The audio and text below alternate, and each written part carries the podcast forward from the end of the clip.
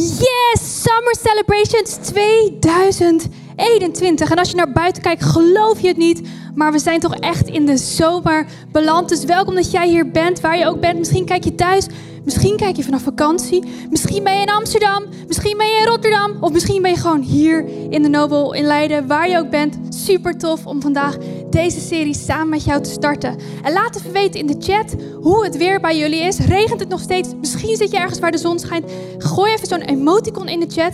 Want deze zomer gaat het erover hoe we positief kunnen blijven ondanks onze omstandigheden. Ondanks alles, of het nu regent, of de zon nu schijnt, of het nu stormt in je hoofd of in je leven. Hoe kunnen we positief blijven? We gaan kijken en ontdekken hoe we dat op verschillende terreinen van ons leven kunnen doen. In onze financiën, maar ook in ons zelfvertrouwen en hoe we andere mensen positief kunnen beïnvloeden. Maar vandaag begint het allemaal bij onze gedachten. Om positief te denken. Want hoe kun je nou, ondanks alles, positief blijven en niet pessimistisch worden? En vandaag preach ik voornamelijk voor mezelf. Want dit is echt een topic in mijn leven. En we komen net uit de serie David, waar we ontdekten dat er soms reuzen op ons pad staan. Soms is er zo'n Goliath. En ik kwam erachter en ik realiseerde me drie weken geleden dat zo'n Goliath in mijn leven negativiteit is. Ik kan heel goed blijven hangen in negativiteit. Ik kan dingen in mijn hoofd veel groter maken dan dat ze zijn. En negativiteit is iets waar ik elke dag weer tegenaan loop. En ik heb besloten dat ik die reus, die Goliath in mijn leven wil verslaan. Ik wil niet negatief leven. Ik wil niet negatief denken. Ik wil positief in het leven staan. Dus vandaag is speciaal voor mij maar misschien ook wel speciaal voor jou. Want negativiteit is overal. Ik bedoel, je zet het nieuws aan, je opent je social media en daar is het. Ziekte, dood, verdeeldheid, problemen. Overal waar je kijkt, negativiteit is om ons heen. En mijn vraag vandaag aan jou is: wat doet negativiteit met jou? Is negativiteit iets wat invloed heeft op jou? Of ben je zo iemand die dat gewoon allemaal van zich af kan laten glijden en onwijs positief in het leven staat? Ik hoop het voor je. Maar laten we vooral nu, op dit moment, aan het begin van deze serie, een moment nemen om stil te staan en te reflecteren. Want hoe positief sta jij in het leven op een schaal van 1 tot 10? En daarbij is 1 maximaal negatief en 10 is maximaal positief. Neem een moment voor jezelf, nu, om gewoon even op te schrijven, misschien in je outline, in je notes, pak die er ook gewoon eventjes bij. Scan die QR-code, zodat jij ook mee kan schrijven met ons vandaag, zodat je alle aantekeningen, alle gedachten van de message hebt, maar ook waar je kan opschrijven nu, aan het begin van deze serie. Hoe zijn jouw gedachten? Hoe denk jij? Sta je positief in het leven? Of sta je misschien heel negatief in het leven? Schrijf het op en als je echt lef hebt, gooi het ook eventjes in de chat. Laat het weten, want dat cijfer is niet goed of fout. Het is waar jij op dit moment staat. En laten we kijken vandaag, maar ook de komende weken, hoe we dat cijfer omhoog kunnen krijgen. Hoe we het kunnen opkrikken, zodat jij kunt groeien. Of je nou een 5 hebt, of je zelf misschien een 7 geeft, of je geeft misschien jezelf een 9. Er is altijd ruimte voor groei.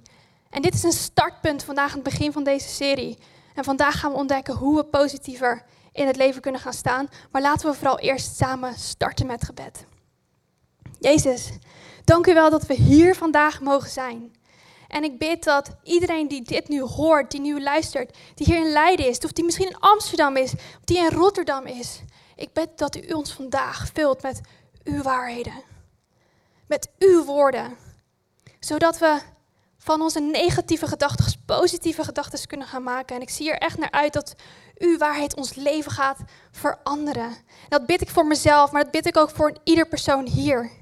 Spreek tot ieder en laat ze zien wat ze vandaag moeten horen. Geef hen een specifiek woord of gedachte vandaag mee naar huis. Jezus, dat bid ik u.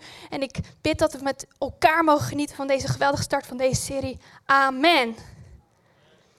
Nou, laten we vooral beginnen met wat positief denken, wat optimisme is en wat het ook vooral niet is. En daar wil ik eigenlijk mee beginnen. Wat is optimisme eigenlijk helemaal niet? En dan gaan we kijken wat het wel is. Zijn jullie klaar voor? Yes? Zijn jullie er ook klaar voor? Yes? Laat het weten. Ready? Oké, we gaan beginnen. Optimisme, wat is het niet? Optimisme is geen ontkenning van de realiteit. Optimisme is niet gewoon denken, weet je wat, ik steek mijn kop in het zand. Ik uh, doe gewoon heel erg positief. Ik heb een mega positieve levenshouding. Er kan mij helemaal niks gebeuren. Ik ben gewoon positief. En weet je, de rest helemaal prima. Het komt allemaal helemaal goed. Dat is niet wat optimisme is. Want de realiteit is, de realiteit is dat we overal wereldwijd problemen hebben. Of het nou is gebied van economie, van gezondheid, van klimaat. De realiteit is, problemen zijn er, uitdagingen zijn er, negativiteit is er. En optimisme is niet het ontkennen van die realiteit. Wat optimisme ook niet is, is gewoon blind geloven. Naïef, wishful thinking, dat alles wel gewoon goed komt. En weet je wat? Als ik gewoon mijn ogen dicht doe en heel hard ga bidden, en ik geloof gewoon dat het allemaal goed komt, dan doe ik mijn ogen open en is alles weer goed. Is dat wat optimisme is? Nee, dat is niet wat optimisme is. Het is niet het ontkennen van de realiteit en het is ook niet blind geloven. Maar de vraag is, wat is optimisme dan wel? Optimisme, heb ik gelezen deze week, een hele goede definitie, die definitie is, optimisme is vertrouwen in de toekomst of op een succesvolle uitkomst. Vertrouwen dat er iets goed gaat gebeuren. Vertrouwen dat er iets goeds uit de situatie komt. Ook al is die situatie misschien niet goed, maar toch die overtuiging hebben, toch het geloof hebben. En laten we die definitie nog een beetje meer geestelijk gewicht geven. Want hoe kan een persoon gevuld met Gods geest, een persoon die Jezus volgt, hoe kan die persoon optimistisch zijn? En voor die persoon is optimisme het onwankelbare vertrouwen dat onze liefdevolle God in elke situatie werkt ten goede van onze toekomst. Optimisme is het onwankelbare vertrouwen, wat er ook gebeurt, blijven geloven dat onze liefdevolle God werkt ten goede van onze toekomst. En dat is ook precies waar Paulus het over had in Romeinen 8, toen hij het had tegen de Romeinen. En hij vertelde hen het volgende. Daar staat in Romeinen 8, vers 12, 28, sorry. Romeinen 8, vers 28. Voor één ding weten wij, voor wie hem liefhebben. Laat God alles meewerken voor hun bestwil. Want hij heeft een plan met hen. En het gaat hier om alle dingen. Hij laat alles meewerken. Je ellendige baas, die vervelende situatie, die financiële tegenslag, misschien die lastige huisgenoot, uitdaging op werk, financiële schulden. Alles laat hij tegen Laat Hij meewerken voor onze bestwil. Met andere woorden, zelfs een negatieve situatie, zelfs een negatieve omstandigheid heeft nog steeds het potentieel om iets positiefs voor te brengen. Omdat we leven met de onwankelbare verwachting dat onze liefdevolle God alles laat werken ten goede van onze toekomst. En die gedachte geeft ons reden om positief te zijn. Dat geeft reden tot optimisme. En ik zou zeggen, Jos, neem ons mee in de rest van deze message en laat ons zien hoe we dan positief naar situaties kunnen gaan kijken. Ja, laten we dat gaan doen inderdaad. Thanks Esther voor je heerlijke intro. Hey, als je wil laten weten, ook in de chat, wat jouw geloof is, hoe jij voelt en ervaart. Dus mogen jullie ook in de zaal even meeschrijven, je eigen notities natuurlijk. Maar wat is geloof? Ik geloof dat geloof optimistisch is en moet zijn. Als we een discipel zijn, als we Jezus volgen, zijn we gemaakt om optimistisch te zijn. In, om mogelijkheden in onmogelijkheden te zien. Want wat zou ons geloof anders zijn? Ehm, is het taf? Ja, is het taf. Want we hebben soms echt heftige dingen die we meemaken. Uh, daar kunnen we onszelf allemaal in herkennen. En is het taf? Ja. Maar wat is ons geloof? Geloof is wat Hebreeën zegt. Het is de absolute zekerheid dat onze hoop ook werkelijkheid wordt. En het is het bewijs van dingen die we niet kunnen zien. En dat laat zien wat ons geloof moet zijn. En ik heb nu een vraag voor jullie. Ook voor jullie thuis. Heel kort om over na te denken.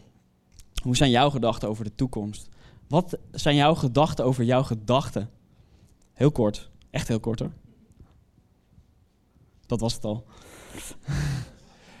Belangrijke constatering. Als jij nadenkt over jouw toekomst en je bent angstig, je maakt je zorgen, je voelt je ellendig, je hebt er buikpijn van, dan heb ik een slecht nieuws. Want dat brengt ons bij het volgende punt. Wat je gedachten bezighoudt, bepaalt namelijk je leven. je gedachten weerspiegelen eigenlijk, of zeg ik, jouw leven weerspiegelt jouw gedachten. Dus hoe jij denkt weerspiegelt heel erg je leven. En dat geloof ik ook erg. Heel veel mensen kunnen gewoon aan jou zien of je slecht geslapen hebt of niet. Toch? En soms is dat zo slecht dat mensen überhaupt denken van... wat drijft jou in het leven? Waar leef je überhaupt voor? En dat uh, gaan we vandaag ontdekken. Hoe we daar doorheen kunnen groeien. En dat het ook belangrijk is om daarheen te groeien. Om echt datgene te doen wat God ons voor gemaakt heeft. Want we moeten ons ervan bewust zijn dat wat je denkt is wie je bent. En wetenschap heeft ook uitgewezen hoe vaker we negatieve gedachten denken, hoe sterker de wegen en patronen in onze brein worden, die zo diep insluiten, slijpen, slijten, dat je ze er gewoon op een gegeven moment bijna niet meer uitkrijgt. Dat kan wel, maar het wordt wel heel lastig. Dus wat moet je doen? Alsjeblieft, leg goede paden aan. Denk heel positief over heel veel dingen. Ook al is de situatie nasty. Dus leg beter goede paden aan, daar word je vrolijk van. Want je leven begint en beweegt zich namelijk ook in de richting van je sterkste gedachten. Dus hoe sterker jouw gedachte over iets is, hoe meer het ook daar naartoe gaat. Um, we gaan straks naar kijken wat het voor mij persoonlijk ook betekent als dat gebeurt. Wat jouw uh, gedachten bezighoudt, bepaalt dus je leven. En een hele sterke gedachte die ik ga uitleggen is de kwaliteit van je gedachten.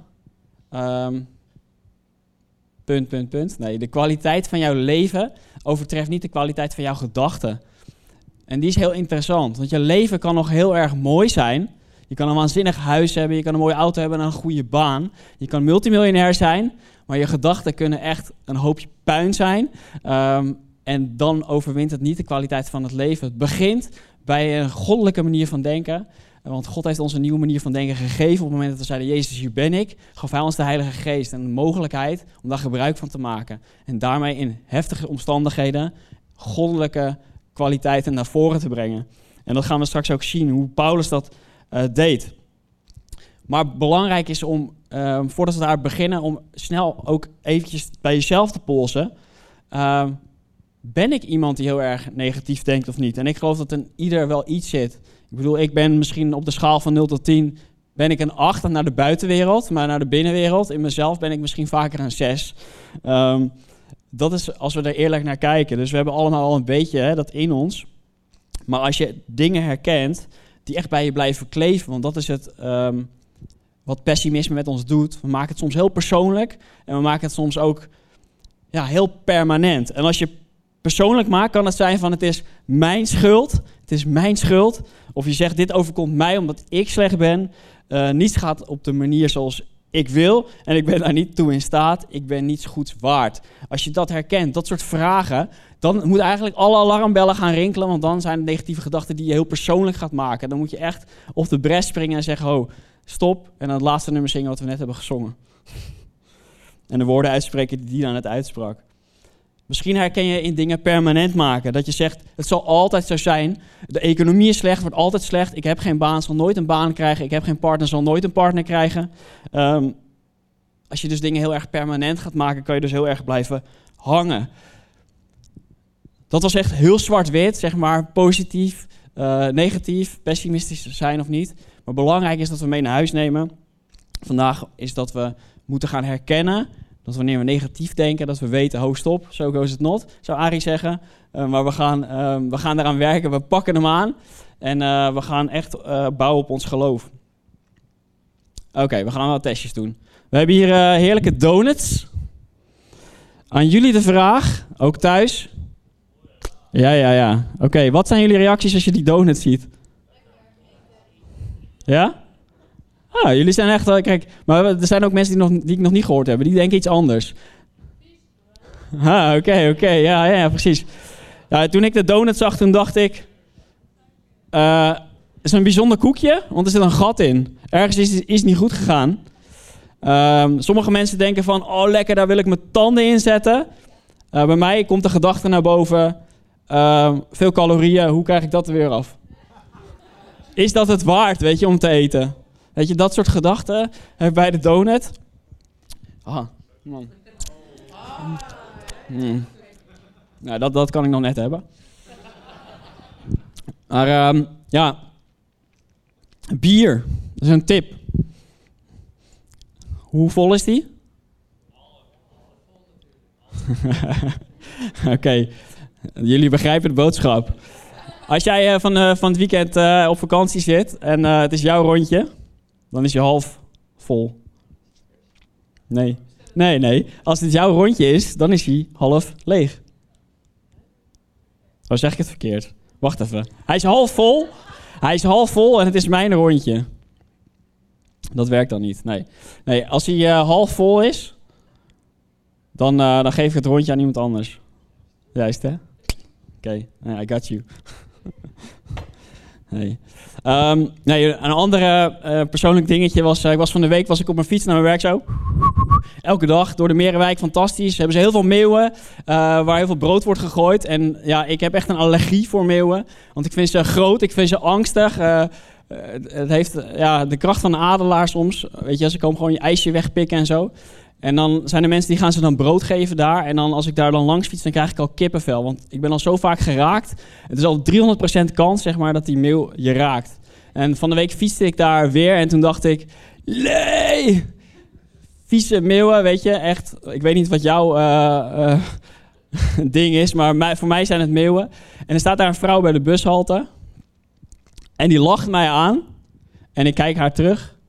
En zij zegt: hey, wat zijn ze vrolijk vandaag? Nou, ik, ik dacht: Oké, okay, uh, deze neem ik mee uh, in de message. Maar als je het hebt over pessimistisch of positief denken. Ik bedoel, ik was al bang en negatief terwijl ze nog niks gedaan hadden. Uh, en zij konden van genieten. Ja. Precies. Ja. En ze kwam zelfs naar buiten om te kijken van, oké, hey, let's go.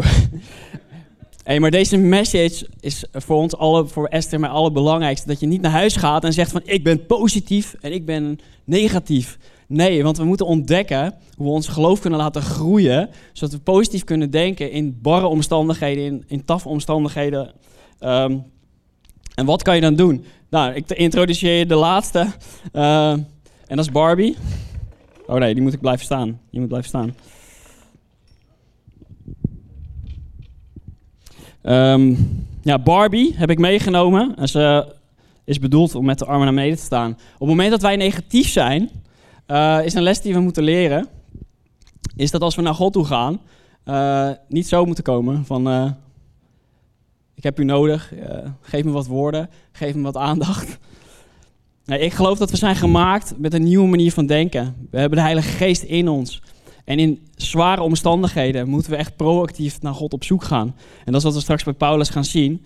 Maar deze uh, ga, moeten jullie mee naar huis nemen.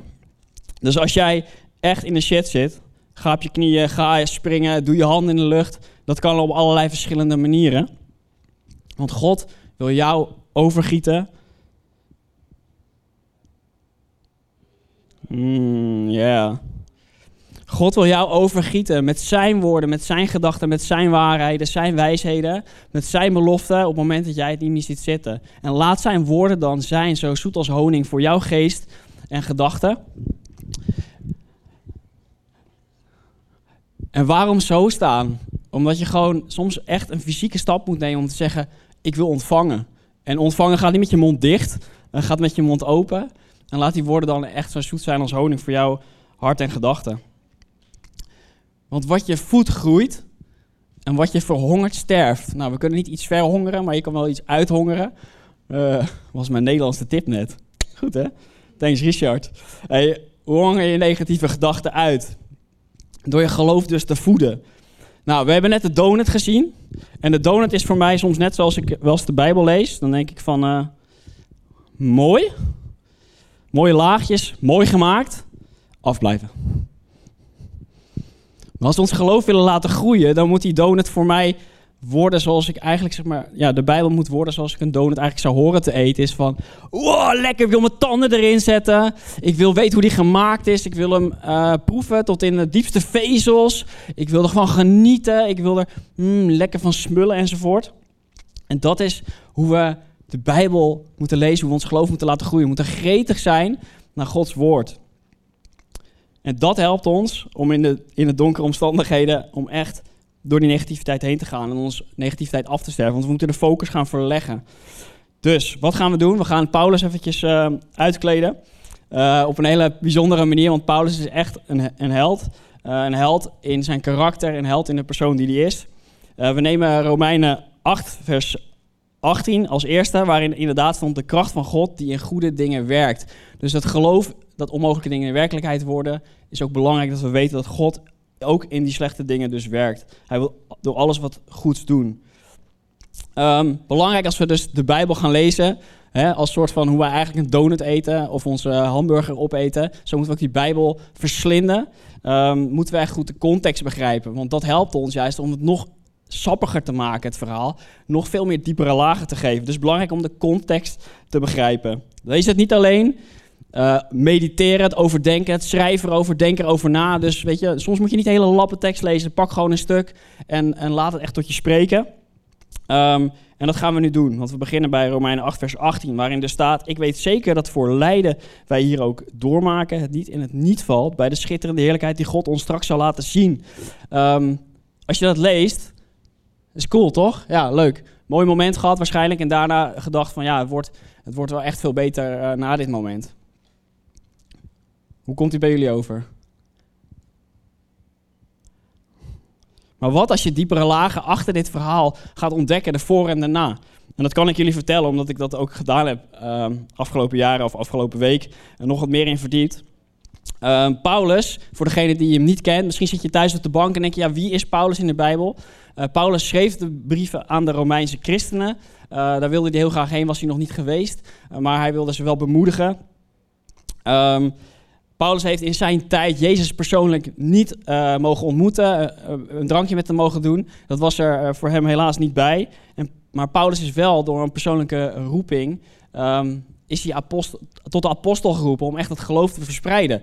Maar dat was niet zo heel normaal, want hij was Jood en Romein en vervolgde de christenen. Hoe bizar is het dat hij de man is waardoor wij hier zitten... Um, is dezelfde man die ons vervolgt, alleen toen in de tijd van, van uh, net nadat Jezus aan het kruis is gegaan. Um, met die gedachte duiken we er even in. Dus als je gaat verdiepen in Romeinen 8, dan lees je als eerste uh, dat het, uh, ja, je ziet een pittige brief, je ziet een ruige brief, dat je denkt van, daar vliegen de spatters vanaf. Maar als je dan een hoofdstuk teruggaat, aan het einde van hoofdstuk 7, dan denk je echt, ja, Paulus is een wrak, er is echt niks van hem over. Uh, dan uh, schrijft hij namelijk, ik begrijp mezelf niet. En toen dacht ik, wat bedoel je nou in hoofdstuk 7 van ik begrijp mezelf niet? Toen dacht ik, ja, met andere woorden zeg je eigenlijk, ik ben een loser. Wat ik wil doen, dat doe ik niet. En waarvan ik weet dat ik het moet doen, doe ik ook niet. En dat maakt mij een loser. En zo stond hij er eigenlijk ook in, heel negatief. Heel negatief over zichzelf, bijna zelfveroordelend. En in Romeinen 8 zie je een totaal omslag, um, waarin hij dus zegt in het begin, helemaal in het eerste vers, zegt hij: Daarom is er nu geen veroordeling voor diegenen die in Christus Jezus zijn. Als u in Christus bent, is er geen oordeel voor uw zonden. Uw zonden zijn vergeven. Dus er vindt een significante verandering plaats in, in het leven van Paulus. En, en, hoe, en hoe kan dat dan? Volgens mij, als ik dat lees en, en die woorden goed begrijp, dan was hij daar zich bewust van de kracht van de Heilige Geest die in hem was. Die veel groter was dan hij zelf. Ik zeg wel eens, Paulus leefde met zijn hoofd in de hemel en zijn lichaam was nog op aarde achtergebleven. Later uh, gaat hij dus door en dan zegt hij ook, als, als jij je laat leiden door de Heilige Geest, zul je ook een kind van God worden genoemd. Dus wat hij ons laat zien, we hoeven geen slaven te zijn van angst of, uh, of zorgen of verdriet.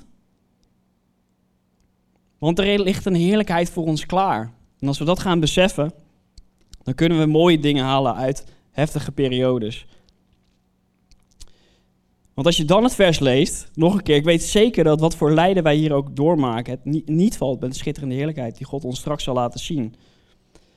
Het is moeilijk om te beseffen dat Paulus dit schrijft. De vraag is, schrijft Paulus dit zelf?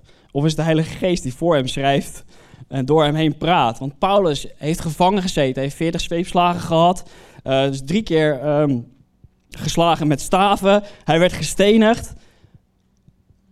En niet, uh, niet voor, voor zijn plezier, uh, maar voor de message die hij bracht. Is mensen de boodschap te brengen die we allemaal nodig hebben. Is dat Jezus de prijs betaalde voor, voor, voor alles waar wij ons soms slecht over voelen. Ook die donuts die niet zo heel goed voor ons zijn. Misschien, maar... Ja. Paulus was meer dood dan levend. Maar van hoofdstuk 7 naar hoofdstuk 8 zie je wat geloof en de kracht daarvan en de woorden uh, voor hem betekenen. Hij kon zijn mind echt uh, om, omswitchen. Ik weet niet waar jij nu staat. Misschien heb je pijn omdat je je baan bent kwijtgeraakt. Misschien werk je thuis en kruipen de kinderen elke dag over je heen en frustreer je je mateloos aan. Daar kan je heel negatief over zijn. Ik heb collega's die, uh, die hebben een eigen kantoor ingericht. En dat is dan voor hun echt een redding. maar misschien heb je ook ziektes. We, hebben, we kennen allemaal mensen die een ziekte hebben, misschien als kanker, heftig dat ze eraan overlijden. Um, misschien zijn het kleine, kleine dingen die je gewoon echt heel heftig vindt. Maar we moeten ons goed beseffen, wat we ook bij Paulus zien, is de strijd van vandaag geeft ons de kracht voor morgen. De strijd van vandaag geeft ons de kracht voor morgen. En hoe heftig die ook is, zo mooi gaan we hem zeker afsluiten. Want Esther gaat jullie uh, meenemen in het laatste. Yes.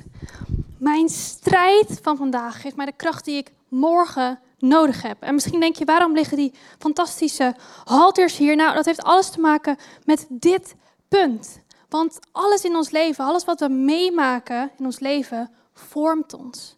Het maakt ons tot wie we zijn. En dat is een heel natuurlijk proces. En dat begint al als we heel erg jong zijn. Want dan krijgen we te maken met het gewicht van geduld moeten hebben. En niet altijd meteen krijgen wat we willen. Want weet je het nog? Dat je daar in die wieg lag te roepen, te schreeuwen, te huilen. Het was zo zwaar. En niemand kwam. Niemand kwam. En je had zo'n honger. Weet je het nog? Nou, je weet het niet meer. Ik weet het gelukkig ook niet meer. Maar dat vanaf die jongste momenten, vanaf dat je klein was, worden we al getraind. En krijgen we te maken met teleurstelling. En dan gaat het leven door en we groeien op en we misschien broers en zussen. En dan krijgen we ruzie. En het maakt ons sterker, het traint ons. Op dat moment is het zwaar, op dat moment is het niet leuk. Maar het vormt ons. En dan gaan we, uiteindelijk gaan we misschien naar de middelbare school. En we moeten huiswerk maken. Bloed, zweet, tranen, met andere mensen samenwerken. Het doet pijn op dat moment. Maar het maakt ons beetje voor beetje sterker. En dan misschien je allereerste liefde. Je bent helemaal verliefd, je kan de wereld aan. En dan wordt je hart gebroken. En op dat moment doet het pijn. Is het bloed, zweet, tranen en verdriet. En denken we, Jezus, waarom? Waarom gebeurt dit? Ik kan het niet meer aan. Het is te zwaar. En dan, oh, deze is al zwaar, maar dan de volgende. We worden uiteindelijk volwassen. En we krijgen te maken met de verantwoordelijkheden van het volwassen leven. Rekeningen betalen, omgaan met je baas, met je collega's die echt super vervelend zijn. Misschien krijg je te maken met ziekte. Misschien krijg je te maken met financiële tegenslag. Waar krijg je het mee te maken wat voor jou zwaar voelt? En als we daarmee bezig zijn, dan denken we, ik kan het niet aan. Ik kan dit gewicht niet dragen. Het is veel te veel. Want als je naar al die gewichten kijkt en je bent nog maar een baby en je staat hiervoor, dan denk je, hoe? Hoe moet ik dit ooit kunnen dragen? Ik, ik kan dit helemaal niet. Maar God zegt, kijk niet naar die strijd. Kijk niet naar dat gewicht, maar kijk naar de overwinning. Eerst kon je dit niet eens en nu kan je dat allemaal aan. Want wat je vandaag meemaakt, maakt je sterker voor de dag van morgen. Telkens worden we getraind. Telkens worden we weer een stukje sterker. En Jezus zegt: kijk naar die overwinningen. En kijk hoe dat je sterker heeft gemaakt. Neem die gedachten mee en laat dat jou voeden. En de Bijbel zegt: wat je vandaag meemaakt, wat je strijdt, wat je vandaag meemaakt en alles wat je nu meemaakt, uiteindelijk valt het in het niet bij de eeuwigheid, die schitterende heerlijkheid, wie God ons gaat laten zien, die we nu nog niet zien. Onze uitdagingen nu en onze pijn nu en die strijd nu, die is tijdelijk. Het gaat voorbij. En ik wil ervoor kiezen om die woorden te geloven, om daarin te gaan staan, omdat ik weet dat mijn leven zich beweegt in de richting van mijn sterkste gedachten. En ik wil weten, waar gaan mijn gedachten over? Waar denk ik over na? Denk ik aan die pijn? Kijk ik naar die strijd? Of denk ik na over hoe God het uiteindelijk gaat gebruiken, hoe het mij sterker maakt en hoe het uiteindelijk allemaal tijdelijk is. En ik kies ervoor om mijn gedachten, net als Paulus, te voeden met Gods waarheden, met zijn principes. En laten we vooral kijken hoe Paulus vervolgens verder naar zichzelf preacht. Want dat is precies wat Paulus aan het doen is. Hij preacht naar zichzelf om zichzelf weer positiviteit te geven. Hij was negatief, maar hij vertelt zichzelf het volgende. En dat kan ons ook helpen. De geest helpt ons in onze zwakheid. En wanneer we zwak zijn en wanneer we het idee hebben dat we dit allemaal niet meer aankunnen, op die momenten dat we denken, God, ik kan het niet, het is me te veel, het is me te zwaar, op die momenten zegt God tegen jou op dit moment, ik help je in zwakheid, zodat je dat gewicht kunt dragen. Wat het gewicht ook is in jouw leven. Van welk probleem ook, van welke uitdaging ook. De geest helpt jou in jouw zwakheid. Hij is bij je. Hij is voor je. En op die momenten dat we het zwaar hebben, moeten we ons herinneren aan die woorden. En juist onze gedachten laten voeden met zijn woorden en met zijn waarheden.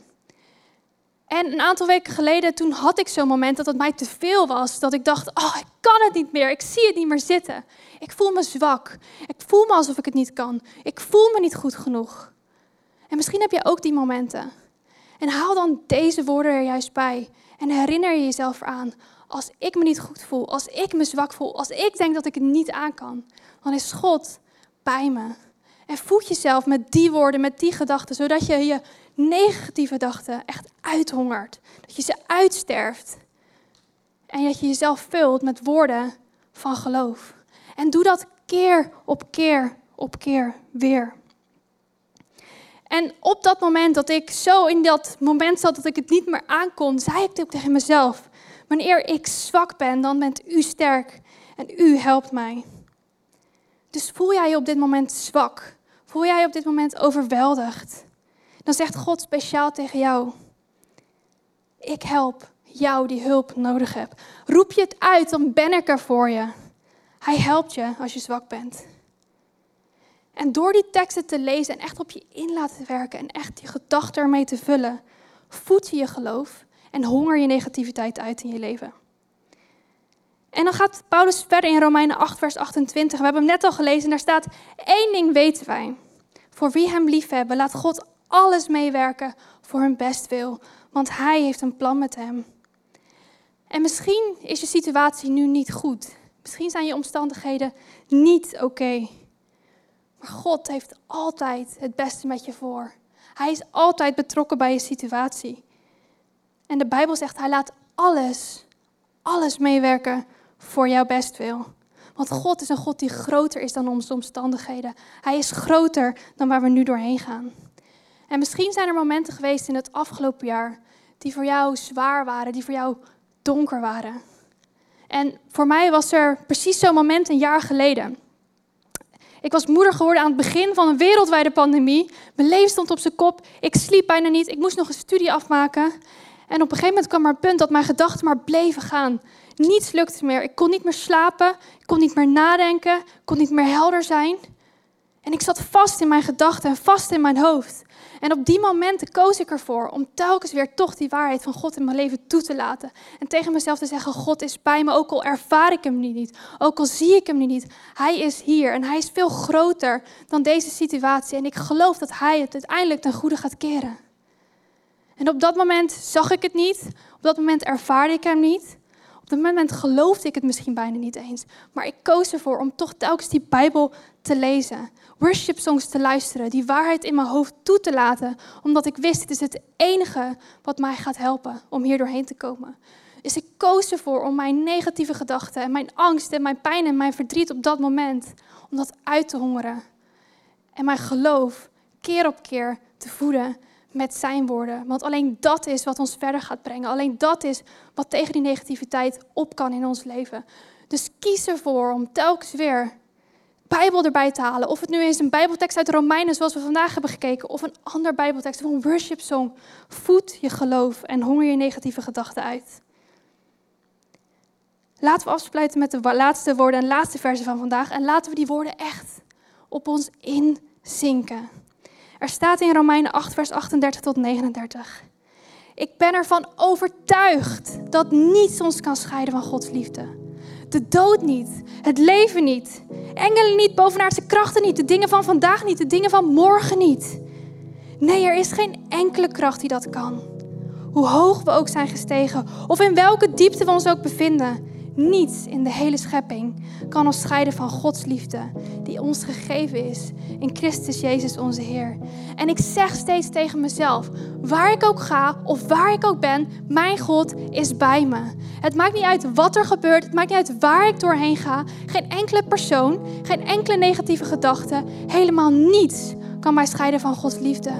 Dus ook al voel ik hem niet, ook al ervaar ik hem niet, hij is daar. Hij is in mijn situatie. En ik kies er keer op keer voor, wat ik ook voel of wat ik ook meemaak en wat ik ook ervaar, om die woorden te gaan geloven, om daarop te gaan staan.